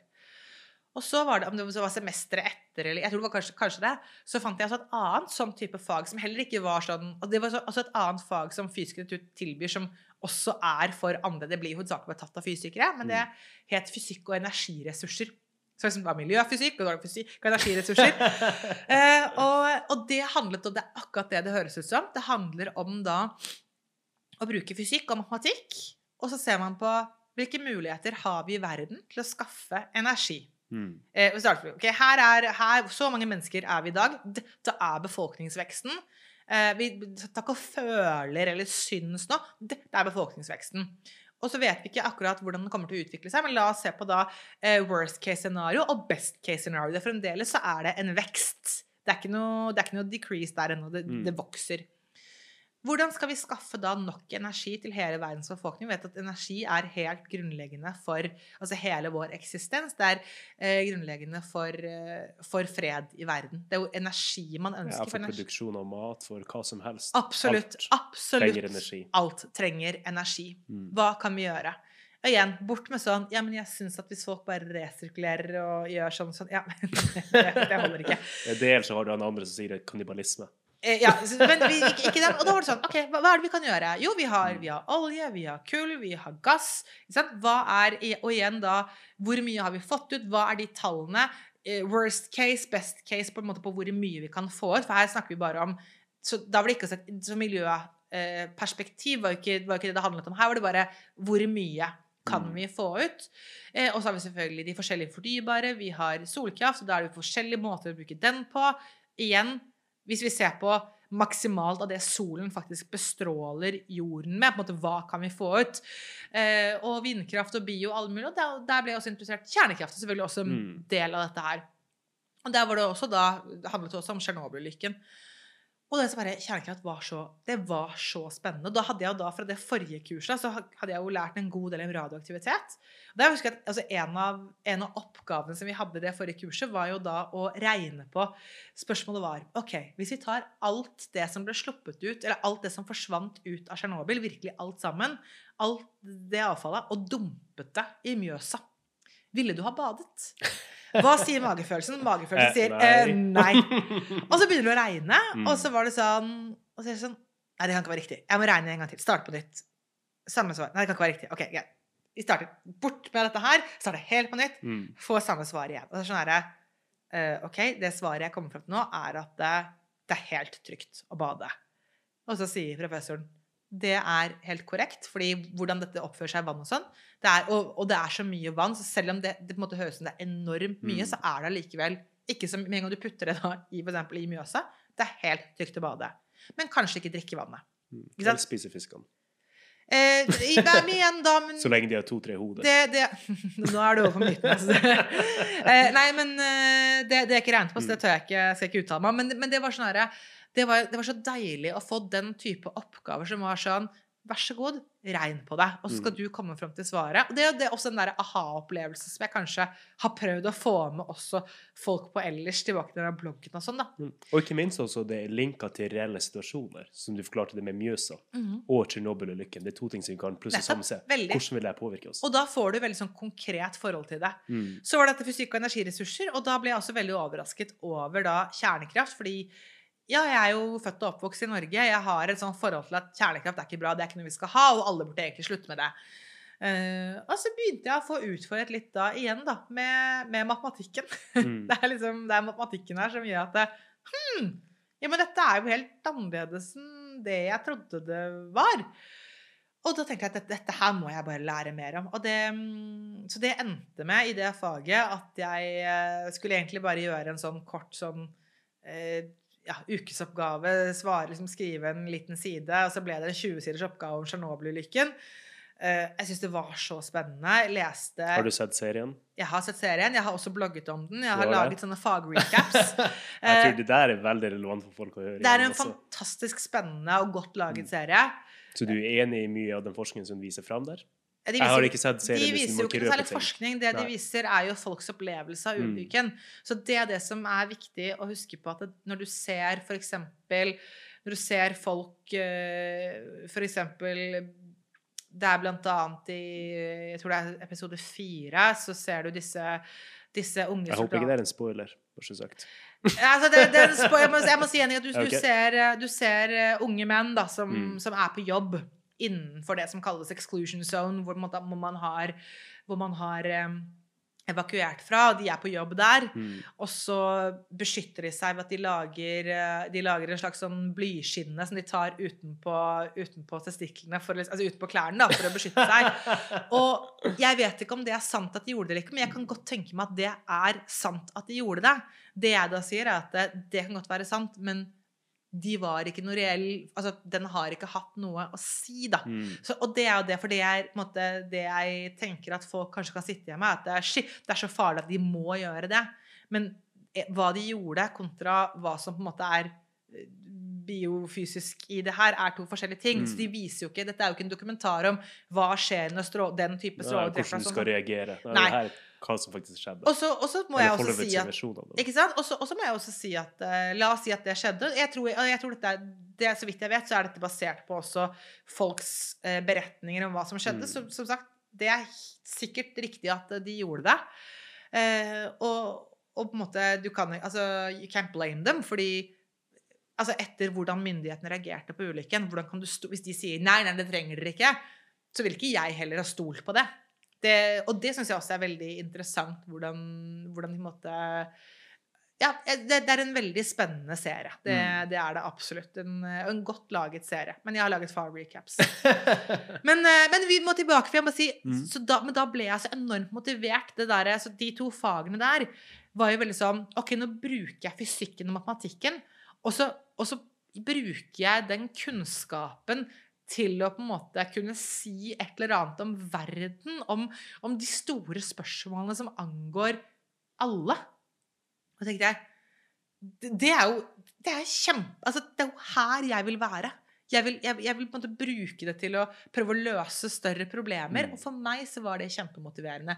For jeg hadde kanskje opplevd fram til da at fysikken var på en måte fysikk for Ja, fysikk. veldig tørt. Du så ikke helt poenget. Ja, ja, jeg så ikke poenget. Og for veldig mange så er det sånn at at veldig mange av de jeg har stått sammen med, sånn, de vil jo helst ikke besudle fysikken med sånne anvendelser.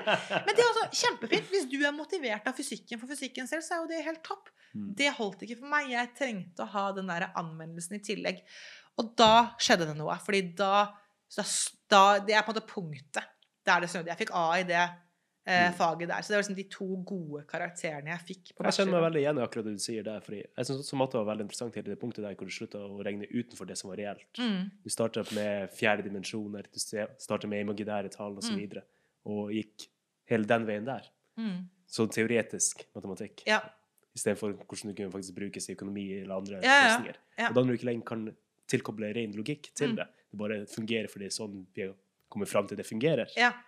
Da går det litt utenfor det som veldig mange syns er interessant og Ja. klarer å følge med på. Og, så, og det er jo helt supert. Altså, jeg kjenner mange som Mm. elsker det. Fordi, sier, men det er jo det som er det beste. Det er, sånn, ja, det er kjempefint. Og det er, det er altså noe jeg syns er også viktig å få fram. At det, det ene er ikke noe bedre eller mer edelt enn det andre. Vi Mm. trenger begge deler. For vi trenger de som bare er som elsker matematikk for matematikkens skyld, og fysikk for fysikkens skyld, som virkelig har den evnen da til å bare De setter på seg skylapper og graver seg Mm. så langt. Og det er kanskje de som til slutt kommer til å måtte pushe videre på akkurat den biten av faget. Og- det trenger vi. Men så trenger vi også de som er mer som meg, da, som ikke, ikke evner det der, fordi det blir for det blir, Jeg er ikke interessert i faget for fagets skyld. Og det, det, det, det var det jeg skjønte da. da at jeg hadde jo begynt å studere fysikk, for jeg syntes fysikk var veldig spennende. Men det var kanskje, antagelig så var jeg jo sikkert der hele tiden. Jeg syntes fysikk var spennende fordi at jeg kan bruke det til å på en måte si noe om verden. Mm. Eh, og, og der snudde det, og da, da fikk jeg tatt opp de fagene jeg måtte ta opp, som enten hadde strøket i, eller hadde fått en såpass dårlig karakter at det kom til å gjøre at jeg ikke kom inn på master. Så fikk jeg gjort akkurat nok til at, eh, at jeg kom inn på uh, masterstudiet i kjernefysikk. Og, da, og der fikk jeg en veileder som så meg veldig for den personen jeg var, og på en måte respekterte veldig sånn Ja, du er Sånn er du. Du er rosa og blond, og det, er- det er også greit. ikke sant? Men så så hun også at jeg syns at dette med kjernekraft var veldig spennende, og hadde lyst til å lære mer om det. Som da som sagt ikke er det fagfeltet de egentlig jobber med Mm. på kjernefysikk. Så hun var sånn Men eh, hva om vi skaffer deg et reisestipend? Så drar du til Paris, og så lærer du der, for det er de som kan det. Vi kan jo ikke egentlig det. Og så kommer du tilbake, og så tar du mastergraden din på det, og så ser vi hvordan det går. Og da sa jeg det hadde vært innmari fint. Og så dro jeg til Paris og bodde der i syv måneder og lærte enormt mye. Fullførte så på en måte på bachelorgraden min så brukte jeg ett år lenger enn det man skal. Jeg strøk fem ganger. Jeg fikk den ene A-en. Eh, Så hvis du ser bort fra de fem gangene jeg har strøket, så er karakterene ganske så normalfordelt rundt C. Det er på Mm. ingen måte noe topp, eh, toppstudent. Eh, og så kom jeg da på master, og der får jeg toppkarakterer gjennom hele veien. Og det jeg pleier å si at, og det er jo ikke fordi det er så innmari lett å ta en master, men det som er lett, er at når du er supermotivert for det du holder på med, og du bare syns dette er så spennende, så er det veldig mye lettere å Mm. bruke all den tiden som skal til for å bli god. Ja, det var helt vanlig for meg å ha 13 timer på Blindern med faktisk jobbing. Eh, så, altså, så jeg jobbet jo for det. Men, men det, var jo, det var jo på en måte eh, lett når det var sånn Ja, ja, men ikke sant? Og jeg får det til. Og så ser du også at jeg får god karakter. Og da blir det sånn, du blir motivert av faget er spennende, og så ser du at innsatsen gir resultater, og da bare Da havner du etterpå i den der positive spiralen. Men, men det skal jeg si da, etter at jeg begynte å på en måte åpne meg om hvor dritt det gikk de første årene, og hvor, hvor deppa jeg ble, og hvor mislykket jeg følte meg. Og det er jo som, Du føler deg mislykket som menneske, for det er jo fort der du går. Jeg er dum, jeg er mislykket som menneske, og jeg kan egentlig bare dø. Eh, Det, er, jo, det er jo dit du kommer, ikke sant? Og det, så var det sånn, ja, men jeg er jo ikke alene om det. Det er helt vanlig. Det er så mange som har det sånn. Mm. Og så henger jo dette også sammen med at man er 19-20 år gammel og ganske nylig har flyttet hjemmefra og tenker at man er jo voksen, og så er du ikke helt voksen allikevel, kanskje, men du tenker at men jeg burde vite hva jeg skal gjøre med livet mitt. Mm. Alle de andre får det til. alle de andre får det til, fordi det er jo det du ser. Mm. Igjen da tilbake til den derre- det, det er jo ikke at folk er Alle er bloggere, men, men selv da, da, i, for uh, i 2003-2004-2005, hvor Instagram ikke fantes ennå, og det ikke var sosiale medier I gamle dager, da det ikke var sosiale medier. så, men selv da, så er det likevel Du ser allikevel Folk viser jo ikke fram Altså, man viser jo fram det Jeg vellykkede. tror folk visste det enda mindre fram da. Ja, antageligvis. For nå er det noen som, noen som på en måte er sånn Ja, men la oss se bak fasaden. Men da begynner jo folk å dele sånn Å ja, jeg måtte gå første året om igjen. Ja, jeg gjorde det sånn. Sånn var det for meg. Og, jeg kjenner, og, det er så mange som sier å, tusen takk for at du deler den Mm. historien. Sånn hadde jeg det også. Og det å måte Eller det å høre at eh, du, du strøk så mange ganger og hadde det sånn, gjør at jeg får tro på at jeg kan få det til. Eller som kommer og sier Nå er jeg snart ferdig med masteren min, og jeg eh, da jeg hørte om deg, så gjorde det at jeg klarte å på en måte snu det negative til det positive osv. Ja, for det er akkurat den delen der jeg har lyst til å spørre. For den historien du har fortalt nå, og den Mm. kommunikasjonen som du har gjort nå gjennom blogg, har den motivert flere til faktisk ta de stegene til å komme inn i feltet? Ja. Det er, det er det den har. Ja, fordi det er dette jeg får meldinger om. Og jeg får meldinger både, Så det går på den faglige biten, og så får jeg ganske, ganske mange meldinger fra jenter som også går på den derre Det å få lov til å være Kall det veldig feminin, da. Eller overfladisk og Mm. like om det er å like designvesker eller høye hæler eller hva nå enn. Og jeg pleier å si at det er ingen motsetning mellom det å være, mm, være interessert og flink i realfag og være opptatt av mote, sminke, interiør og klær. Og det er, sånn, det er så banalt å si det, men igjen den derre vi er fordomsfulle. Jeg har opplevd masse fordommer på det, og, og gjør det fremdeles også. Men nå kan jeg på en måte slå i bordet og si ja, men jeg har doktorgrad i kjernefysikk, og da blir Mm. folk sånn Å, ok. greit.» ja, da må de da kanskje jeg skal høre på det likevel, da. Um, men, eh, men Og det er også en ting som ganske mange jenter takker meg for, for de sier at eh, du gjør det enklere for oss som kommer bak. Mm. Fordi jeg liker også å pynte meg, og, og det er sånn Det er jo altså, det er jo helt teit å si det, men selvfølgelig kan man pynte seg og være smart for det. Mm. Altså, men, men det har liksom vært Ja, men du tror på det du ser. Ja, det er nettopp det. Så, Så som vi pratet tidligere her, veldig mange innenfor tech eller fysikk, Mm. for den saks skyld, de liker ikke å være i det offentlige rom. Nei. Når du ikke hører noe om dem, Mm. så Ja. vet du heller ikke. Og så, kan det jo da kanskje være at vi, vi trenger jo også så igjen tilbake du, du trenger de som bare elsker faget, enten om Mm. det er bare en liksom, De elsker matte, eller de elsker eh, akkurat C og disse algoritmene. Det, det er det det henger for ganske tett sammen med matte, da. Men det er det de elsker. Kjempefint. Fortsett med det. Vi trenger de folka der. Og det er kanskje ikke de vi skal tvinge ut på scenen heller. Men da trenger du også folk som da er som er interessert i faget, men som også liker oppmerksomhet. Jeg er jo en som Jeg elsker å stå på scenen også, Mm. men jeg vil jo være en fagperson også. Men jeg blir, er jo da mer Ja, jeg tror ikke det handler om bare å like oppmerksomhet, men de må forstå folk.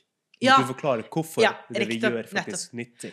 Og, også, Og når du faktisk forstår folk, kan du gi tilbake og si det er det her vi bør gjøre, for Ja. det er det her det folk vil ha. Det Jeg- det de trenger. jeg kaller meg jo selv tolk i dag. Mm. Vitenskap og teknologitolk har jeg Ja, jeg tror det er en veldig god måte å beskrive det Ja, på. for jeg har funnet på en måte Hva er du? Det er sånn Mm. foredrag Nei, fordi foredrag er bare en del av det jeg gjør. For jeg skriver blogg, jeg er her hos deg. Jeg er med i debatten på forskjellige måter, om det er gjennom radio eller avis Mm. eller podkast eller hva det er. Og så tenker jeg, hva er det jeg gjør? Jo, jeg prøver å ta et eller annet som, er, som jeg kan, som er ganske komplekst og sammensatt innen, innen vitenskap og teknologi, og så, og så prøver jeg å forstå Men hvor er folk? Hvor, hvor, hvor er du hen? Hvor, hva, er liksom, hva er dine forutsetninger? Så det handler Mm. nettopp om å forstå folk. Hvor er du? Er du redd? Er du åpen? Er du Hva er bakgrunnen din? Og så på en måte oversette til der hvor du er. Så det handler definitivt om å forstå folk. Og så er det da nettopp det som Litt, litt tilbake til det med akademia. Det tror jeg kanskje også gjelder innenfor tech. At man tenker at eh, jo, jo, ok, men fint, da, hvis, eh, hvis du er flink til det, så kan du gjøre det. Men du er egentlig så er det liksom Men, men du er ansatt for å være liksom egentlig 100 innen å grave ned det feltet. Mm. Men da skjønner du ikke det at det, Men det er jo også en, en skill som du må Altså alt du øver på, blir du bedre på. Hvis du skal bli god på den der eh, å være en tolk og, og snakke med mennesker og forstå mennesker, så er ikke det sånn Nei, du bare var det. Det er også noe du utvikler, og det tar tid.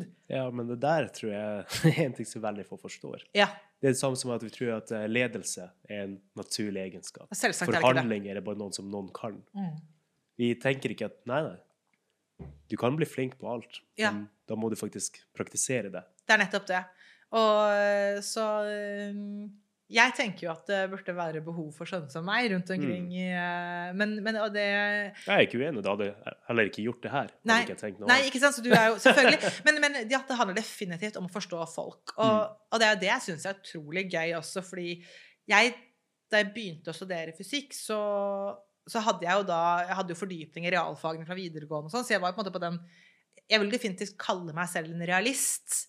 Men, men da hadde jeg også veldig den der forståelsen at det, en, altså at verden er enten så er du realist, da er du flink på ligninger, eller så er du på en måte mer på den nære du kan skrive og på en måte uttrykke deg på den måten. Mm. Og hadde egentlig aldri altså, Og det er ikke et spektrum, det er enten-eller. Jeg var veldig enten-eller. Og sånn Og det var også en opplevelse fra videregående at hvor er det man skriver? Jeg er som i norsk, og norsk stil har aldri helt vært min greie. Så jeg var sånn Ja, men jeg kan jo ikke skrive. Mm. Eh, og, og så Ja, og så, og så på en måte kastet jeg meg ut i det med den der tøysebloggen. Men så, når jeg da fikk den der forespørselen om å skrive i Aftenposten, så ble jeg sånn Oi, shit. Jeg, jeg må jo prøve, fordi altså jeg, Og da tenkte jeg der, ja, men jeg kan jo ikke skrive. Herregud, jeg er jo realist. Jeg kan ikke skrive. Men tenkte jeg, ja, men Knut Olav Åmås spør meg. Jeg må si ja til Knut Olav Åmås. Mm. Og da, og da tvang jeg meg selv til å gjøre det. Og, og det var sånn Ja, OK. Alt du øver på, blir du jo bedre på. Og det, og det er jo da det jeg på en måte er litt sånn frustrert over, også med Ja, men det er akkurat den også sjansen å ta, og øve seg på å skrive i en offentlig avis. Ja. Det er jo et veldig Men det er utrolig gøy, Ja. da, når, man, eh, når, det liksom, når det går bra. Det er det. man, Det er eh, akkurat det når det går bra, men det er en sjanse å ta. Og det er akkurat det mange tenker OK, Ja. det der kunne jeg ikke jeg noen tror, gang jeg tror ikke jeg tenkte så mye på det. Mm. Fordi jeg tenker mer enn nå. tenker, Oi, tenk hvis jeg hadde på en måte tenkt på alle de på en måte, det, Negative ting som kunne skjedd ut Ja, av det. Da blir du, blir du så noen Så ganger man blir veldig handikappet eller begrensa Ja. av akkurat den delen der. Så det er på en måte litt naivt også, men, men det har vært veldig sånn egentlig Jeg tenker at uh, at jeg prøver å være et ja-menneske når det Mm. kommer til disse, disse tingene. Ikke, ikke tenke på alle mulige konsekvenser av, eh, av ting du gjør. Og det er sånn det er sånn jeg også driver nå i dag. Så er jeg jo selvstendig og lever jo, lever jo av meg selv, holdt jeg på å si. Hvorfor valgte du å ta det steget? Eh, altså jeg var fullførte doktorgraden min i, 20, i våren 2017, og da Mm. var jo det prosjektet avsluttet. Så da var jeg jo ikke, da var jeg ikke ansatt som forsker lenger. Så hvis man skal fortsette da, så, så må du på en måte aktivt velge å prøve å fortsette. Mm. Men gjennom da doktorgraden min, det begynte da med bloggingen, eller Fukushima og bloggingen og alt det her, så har jeg da oss tilbake der, det du blir god på, det, det trenger du også tid på å bli god på. Så jeg har brukt enormt mye av tiden min, antageligvis halvparten av tiden min, på formidling av fag. Enten det er gjennom blogg eller kronikker eller radio eller TV eller hva nå enn det er. Det tar tid. Um, og det betyr jo også at siden jeg har ikke flere timer i døgnet enn det andre har, at hvis jeg da bruker halvparten av tiden min på å formidle fag, så har jeg bare halvparten av tiden på å faktisk på måte, produsere forskning. Og i akademia så er det hard valuta på det som gjelder, er produksjon av forskning. Mm. Selv om de på en måte, ok, de er kommet dit nå at f.eks. det å være en tydelig formidler, det kan, det kan definitivt trekke positivt. Jeg vet at det på en har endret Man kanskje på en måte, man har skullet ansette noen, og så har man hatt rekkefølge på sånn rent faglig. Hvem, hvem er første, andre, tredje kandidat? Og så har kanskje da, og så kommer da inn ok, men denne som er på tredjeplass, er egentlig også en dyktig formidler. Da kan det plutselig endre. Men det er jo ikke sånn at altså, den harde valutaen er allikevel i utgangspunktet Da må du først komme dit, og du må ha en høy nok produksjon av Mm. forskning. Så jeg føler ganske sikkert at jeg kommer aldri til å kunne bli professor. Og det neste steget på veien, når du på en måte, altså doktorgrad, den er verdt noe generelt. For det, som, ja, det er høyeste graden av utdannelse du kan ta i landet. Det å på en måte si jeg har uh, Sunniva Rose, ph.d. Det er liksom, jeg har det signaturen på mailen min, og det er litt viktig fordi at eh, Ja, men det er også litt sånn herre Ja, hvem er du egentlig? Jo, dette er for min Ja, det, det funker, da. Man må bruke det man har. Mm. Eh, men hvis jeg da skulle fortsatt, så, måtte, så er det da på en måte å søke om penger for å bli da postdoc. Postdoc tror jeg folk flest ikke vet hva er. så det, måte, det er ikke noe forskjell når du kommer ut da skal gjøre andre ting i samfunnet og si jeg har doktorgrad eller jeg har postdoc, selv om det er en forskjell i akademia. Det ville vært da å ja, søke seg penger om å jobbe to år på et prosjekt, og så kanskje to år til, da, og så har du dårlig lønn og midlertidig stilling, og så vet jeg at, eh, som sagt, altså på en måte gullpokalen i enden her Gullpokalen, eller sølvpokalen i enden. Det er, liksom, det er jo da professor, men, men det kommer ikke jeg til å bli. Mm. Hvorfor skal jeg gjøre det da? Når det er, når det er noen som gir deg dårlig lønn mens du holder på. Det er midlertidig, så det er, ikke, det er ikke så veldig flott å komme med det tilbake og si postdok, er det? Eh, det kommer ikke til å hjelpe deg i samfunnet for øvrig de aller, aller fleste steder. Det kommer ikke til å gi meg en professorstilling høyst sannsynlig, fordi det er for mange om benet, og da, må jeg, da måtte jeg kuttet ut, da. Hvis jeg tenkte Jeg kunne sikkert sagt Vet du hva, nå går jeg for professor. Så kunne jeg sagt nå legger jeg ned alt av formidling, alt det der. Nå skal jeg bare gønne på på, på forskningen. Mm. Men da hadde jo hele på en måte også da dette prosjektet og alt det jeg står for og brenner på, for, med å dele fra forskningen og kunst, da, da forsvinner det jo. Og da, så det blir en slags sånn catch 22, da. Så da fant jeg ut at dette, selv om jeg har elsket forskningen og veldig gjerne skulle fortsatt Jeg skulle veldig gjerne ønske at jeg kunne være tilknyttet et forskningsmiljø og Eller i hvert fall det var det jeg tenkte da, å fortsette med formidling sånn 50-50. Mm. Altså, og, og, og jeg vet jo også at på UiO så I hvert fall alle jeg har snakket med, da, som er, så er jo veldig fornøyd med den jobben jeg har gjort, og at jeg har gjort en at jeg har vært en god ambassadør for både fysikk og forskning og UiO. Men, men når du kommer og sier liksom, ok, men hva om kunne ikke jeg liksom være tilknyttet forskningen her, og så kan jeg drive med på en måte formidlingen, jeg kan, hva om jeg lager en podkast, så, så er det sånn Fins ikke noen stillingskode for det. Og det, der er jo, måte- og der er det, det er jo staten, ikke sant? Det er der vi er litt sånn gammeldags. Det er ikke bare statlig. Det er nøyaktig samme i tech også. Ja. Vi har lyst til å få flere folk inn i bransjen, Mm. spesielt f.eks. kvinner. Mm. Vi har lyst til å bli flinke til å kommunisere, men noe som vi er flinke å prioritere, noe Mm. vi har markedsmiddel til. Mm. Veldig sjelden. Ja. Så det er liksom sånn Nei, OK, greit nok. Um, og så, Men dette var jo da 2017, og så ble jeg eh, rekruttert inn i en mer administrativ um, eh, stilling ved et eh, senter for fremragende utdanning. Mm. Uh, og det var veldig spennende, men det ble ikke sånn som jeg hadde sett for meg at det skulle være. Jeg følte at jeg ble egentlig veldig sånn sekretær. Eh, og det er en ekstremt viktig jobb å, ha det, å være den type administrativ person. Men jeg er en fryktelig dårlig sånn type administrativ Mm. person. Som gikk på altså, veldig sånn enkel, hverdagslig drift da, med å liksom, godkjenne timelister for studenter. Og det er kjempeviktig at noen gjør det, men jeg er ikke så interessert at det skal på en måte være hoved, uh, hovedjobben min. Så da ble jeg egentlig ganske deppa, fordi at liksom, man har en ganske sånn eh, fagstolthet. Eh, og og det var, jeg var jo ferdig med å være kjernefysiker, men, som, ja, men jeg er jo liksom fagperson, og liksom OK, skal jeg bare ikke Er jeg ingenting sånn, Så kjenner du på det, og så, så synker, og da synker selvtilliten og veldig ned i en sånn dum spiral igjen. Mm.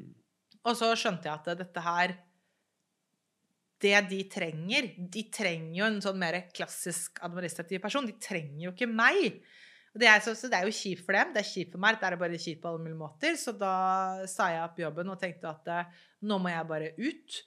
Uh, og da var jeg også redd for at jeg skulle ende opp uh, med eh, i en ny sånn stilling som, som, på en måte, som skulle bli en, en feil. Da. Så jeg kjente på at eh, nå må jeg bare stå på egne ben i hvert fall ett år. Både for å kjenne at Eller én, sjekke om jeg kan det. Mm. Og, og hvis jeg kan det, så er det kult. Og to, bare kjenne at jeg på en måte har kontroll på min egen situasjon. Som kanskje kan høres litt skummelt ut. Sånn, ja, men det er liksom ingen faste rammer og ikke noe fast lønn og sånn. Men for meg var det likevel sånn ja, jeg, jeg må likevel kjenne at jeg har kontroll. Så, så det er jo det det egentlig handler om, å ta kontroll over mitt liv igjen. og min, Hva skal jeg gjøre, og hvordan skal min hverdag være? Ja, for jeg tror det er veldig mange som ønsker å ta akkurat det steget med Mm. å starte en egen bedrift for seg sjøl. Mm. Men veldig mange frykter det, fordi det er to ting med det. Først ja, du har ikke lenger fast lønn. Du må stole på deg sjøl 100% Og det kan være veldig tungt om du ikke klarer det. Mm. Så det har alltid den der konstante frykten med Ja. det. Jeg var ikke redd i det hele tatt. Litt naiv igjen. Ja, mm. Ja, jeg tror Andre? akkurat den delen der hjelper veldig på. Ja. Det andre er det de tenker også, ok, om jeg prøver og feiler. Så i mange land så ser de positivt på det. At du Mm. prøvde å feile. Du prøvde i hvert fall å følge din drøm. Du ønska å gjøre det her, og du gikk 100 inn. Mm. Men eh, i Norge så har vi en mer tendens til å si ok, hva er det her gapet på ett år i CV-en din? Ja, ikke sant? Vi er veldig redde for de der Mm. hullene i, i CV-en. Og jeg, jeg syns det er ufattelig tåpelig. Ja, Fordi vi bør egentlig ha by, mye bedre metrics for å måle hva folk oppnår. absolutt. absolutt. Uh, ja, nei, jeg tenkte ikke sånn i det hele tatt. Og så skal det også sies at fordi jeg føler ikke at jeg var tøff eller noen ting, men det som skjedde, var jo at eh, jeg startet jo ikke på null. Mm. Jeg har jo på en måte bygget opp i de siste årene, så har jeg jo holdt mer og mer foredrag, vært med på mer og mer ting. Så på det, det var ikke sånn at jeg startet å ja, nå skal jeg kanskje jeg skal prøve å holde foredrag. Det var sånn, jeg Kanskje jeg skal starte en blogg? jeg, kan, jeg, starte en blogg. jeg hadde blogget i mange år. Jeg hadde på en måte gjort en god del Mm. ting, selv om det var sånn Jeg tenkte jo at eh, OK, men hvis jeg på en måte Jeg så jo for meg at det kommer til å bli trangt. Eh, så det var den ene tingen, at jeg startet ikke på null. jeg og tenkte ikke, men jeg, jeg må se hvor mye kan jeg skru opp dette her. Den andre tingen var jo at jeg er jo, er jo da gift med en mann som da vi, Og dette var jo en avgjørelse vi tok Eller på en måte, det var min avgjørelse, men, men jeg snakket jo med han og sa liksom Syns du det er greit? Mm. Hvis, for, for jeg vet at på hans inntekt så ville vi Vi hadde klart oss. Hvis det vært sånn Nei, jeg tjente faktisk ingenting. Da måtte jeg selvfølgelig også gått mye mer aktivt. Ok, nå trenger jeg vel skal ha en jobb. Men hvis vi hadde skrudd ned liksom, helt på forbruk, og, så hadde vi, vi hadde klart å betale alle de faste regningene. Og, så vi hadde overlevd. Eh, og det er noe med at penger er virkelig ikke alt. Jeg var, ble svært ulykkelig i den forrige jobben, og det påvirker jo ikke bare meg. Mm. Det påvirker jo hele familien.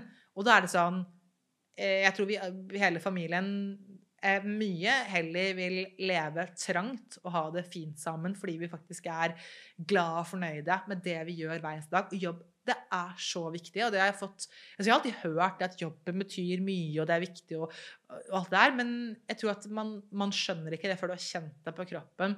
Det å være i en jobb som gjør deg ulykkelig, og hvor hvor forferdelig det er. Jeg hadde jo da, før jeg sa opp jobben, så hadde jeg en periode, det var fra oktober, jeg sa opp i slutten av februar for da halvannet år, eller litt over et år siden. Mm. Det er fem måneder. Da gråt jeg av jobb minst en, i snitt én gang hver eneste dag. Og det var liksom der det var. Og det går jo som sagt ikke bare utover meg. Det tærer enormt på de du bor sammen med også. Jeg tror, han, jeg tror ikke han heller var liksom i tvil om at det, det er fint, du slutter, vi Bare klarer oss. kjemp gjennom det. Ja, ja, kom deg gjennom. Eh, fordi vi klarer å dekke da, de der utgiftene som du skal ha. Vi, har, vi, vi dropper ferie. Vi dropper, eh, vi dropper å spise ute. Vi, eh, vi kan drikke billig vin og lage maten vår selv.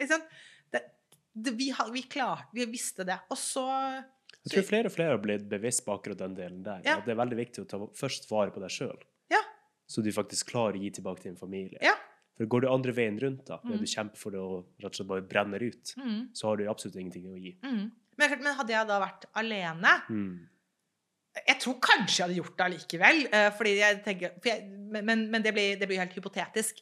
Men i fall, det var sånn, ja, men vi var jo sammen om dette her, så, så det var liksom aldri noe spørsmål om, om det. Så det, Tusen takk for at han Han er jo bare Ja, ja, men det er, det er kjempefint. Um, og så, men så har jo det da gått egentlig over all forventning. Men igjen, da jeg, jeg er sånn Ja, ja, men jeg bare, jeg bare sier ja, jeg. Og bare er positiv. Uh, og så kommer liksom De forskjellige oppdragene kommer på en måte av seg selv. Og jeg er jo, jeg er jo da Jeg er jo registrert hos Athenas og talelisten og Mm. sånn, så selvfølgelig så kommer det jo ting der. Men det er også mye som kommer direkte til meg. Og jeg har gjort veldig spennende ting som altså noen, sånn- En del sånn standardting, du gjør noen konferans, konferansieroppdrag og litt sånne ting. For jeg tror det er litt sånn farlig å si at ting bare kommer av seg sjøl. Ja, Det er arbeid å gjøre seg sånne det føles Ja, jo, Men kanskje når du gjør ting som du liker, så er det Mm. mye lettere å arbeide med det. Men ja, det er helt sant. Selvfølgelig kommer du ikke bare av Mm. seg selv. Så egentlig takk for at du sier det. Det men, men, men det som er gøy, er at, eh, at selvfølgelig at ja, det som kanskje skjer, da, at noen nevner en idé, og hvis jeg syns det er spennende, så er jeg entusiastisk på det og følger opp og er tydelig på at Mm. dette her har jeg kjempelyst til å være med på, hva kan vi få til her? og men, men, men det jeg mener med at jeg, liksom, jeg har ikke gått ut og på en måte Jeg har ikke en strategi Jo, det er en strategi, det. Min strategi er å være positiv eh, og entusiastisk. Og det tenker jeg, det er jo men, men det er jo sånn, det jeg lever av det er sånn, Jeg har jo ikke ut, altså jeg har jo veldig veldig få utgifter til å, å dekke. Så det meste av det jeg tjener, er jo faktisk Bunnlinje. er bunnlinje, rett og slett. Så det er veldig enkelt sånn sett. Så det er ikke noe som man kan skalere opp veldig voldsomt, da. Nei, jeg tror akkurat det du gjør der, er en ting som veldig mange har lyst til å gjøre. Mm. Men de tenker kanskje at fagfeltet sitt ikke er interessant nok. Mm. Men jeg tror du har vært veldig flink til å motbevise folk Ja. der. Med kjernefysikk Ja, på en rosa måte. På en rosa måte. Og, og nå ser jeg også at eh, jeg har jo faktisk Eller jeg mener jeg har fått selv, da, at jeg har en Mm. del å komme med når det kommer til dette egentlig litt forferdelige begrepet digitalisering, eh, Mm. som dekker absolutt alt og ingenting. Eh, og eh, hvor politikerne sier 'Vi skal bli best på digitalisering'!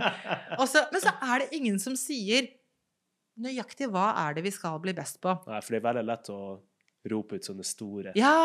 sant? uten å faktisk gå ned på detaljer. Ja, men, men det er også vanskelig. Men hva, hva, hva mener man egentlig? Mener vi dette, eller mener vi dette, eller mener vi dette? Jeg er jo mer på den der hardcore. Det handler om data, det handler om å behandle data, det handler om Vi må, vi må faktisk vi må kna i det, vi må programmere mye sånne ting. Så nå skal jeg jo her på sommeren skal jeg jobbe med å utvikle et helt sånn eh, grunnleggende kurs i programmering Mm. for folk som aldri har programmert. Og der også kjenner jeg litt på, og da bruker jeg også min egen erfaring som Jeg hadde jo aldri programmert heller før jeg ble kastet inn i første semester på Universitetet i, i Oslo. Og jeg var sånn What the fuck? Altså, jeg skal studere fysikk. Hvorfor skal jeg holde på med Mm. denne datamaskinen? Jeg visste ikke hvordan en USB-stikk virket. Det, var- og jeg turte heller ikke å si det, fordi igjen, du føler deg så innmari dum. Og, og så sitter jeg der sammen med da Vi skal være litt sånn kategorisk. Disse gutta, selvfølgelig var det noen jenter også, men det var mange av disse gutta som har hatt data som sin hobby fra de var syv og et halvt år gamle, Mm. og selvfølgelig er Det er jo egentlig ekstremt urettferdig. Det er også en grunn til at jeg ønsker programmering inn i skolen. fordi at det, når du vet at dette her altså eksempel innen realfagene, så er det viktig i alle fagene. Det blir jo det i økonomi, at man sitter og skal gjøre helt sånn enkle modeller for hvordan, hvordan samfunnet fungerer. Du får inn liksom ting som påvirker hverandre. Så er det sånn eh, Dette her kan du ikke løse analytisk. Dette her trenger du egentlig å løse numerisk. Da, da, Mm. da må du kunne helt andre typer verktøy. Så ja. Men, eh, men i hvert fall og, men, men det er også da Da opplevde jeg at vi skal programmere noe greier, men det var jo da ikke igjen da Det hadde ingenting å gjøre med da det fagfeltet jeg på en måte kunne noe om. Og, eh, og, og det tenker jeg at det er det jeg også har lyst til å bruke. Og det var ekstremt demotiverende.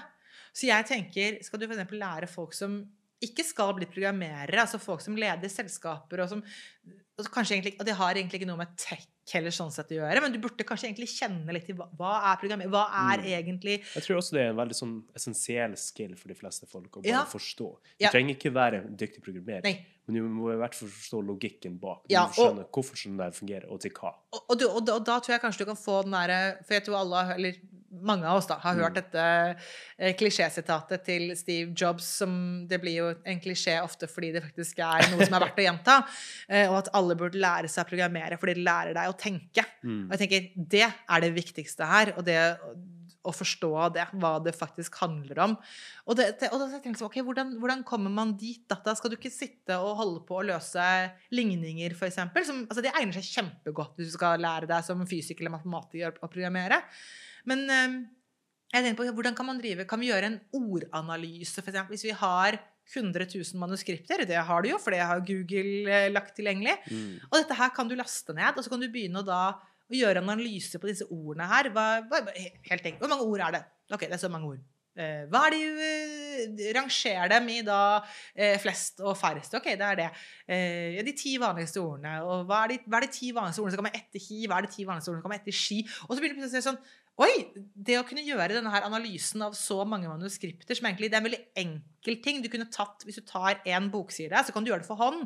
Men da ser du sånn her, men du kan ikke ta 100 000 manuskripter. Da får du sånn ideen om hva er det datamaskiner er gode på? Mm. De er innmari gode på å gjøre enkle ting veldig mange ganger. Og det tenker jeg også er utrolig viktig med tanke på eh, skole og læring. At vi, vi, kan ikke drive og skulle bli gode på ting der vi egentlig konkurrerer med datamaskiner. Fordi vi kommer aldri til å slå datamaskiner på det datamaskiner er gode på. Det vi må bli gode på, er jo å stille de gode spørsmålene, mm. være kreative og tenke de store tankene. Og så bruke da de verktøyene. Så ja, Det er også sånne ting som jeg nå har muligheten til å jobbe med. da, og Det er jo, det er jo viktig. Det et veldig vidt spektrum av ting du interesserer for. Det er veldig ja. gøy å høre. Jo, det høres kanskje... Og jeg tenker Vi kunne sikkert prate tre-fire timer til, ja. for vi har jo ikke dekka engang. Det er en av de tingene som jeg tenkte å prate om. Mm. Det med for du prater om det med TEDX, ja. med rosa, og det med mangfold. Mm. Kvinner innenfor fysikk, mm. kvinner mm. innenfor tech. Mm. Så det er veldig mange temaer som egentlig burde dekt, men nå har vi allerede prata i over en og en halv time. Å, herregud. Jeg kan komme tilbake en annen gang, ja, så det kan vi, vi snakke. Ja, ja, vi kan ta en del to. Jeg tror også det her var en veldig viktig podkast for folk å høre, og rett og slett gå gjennom din historie og se at de ikke er så unike. Mm. Det er flere som føler alle de berg-og-dal-banene av ja. følelser. Det er jo livet. Livet går opp og ned. Men man glemmer det når man er nede på et, eh, på et sånn bunnpunkt. Så mm. kjennes det ut som ja, men dette er helt annerledes enn sånn som det har vært før. Det er jo kjipt. Man, jeg er helt enig. Ja. Så jeg håper det er flere som blir motivert til faktisk prate om fagfeltet sitt på mm. en veldig enkel og ja.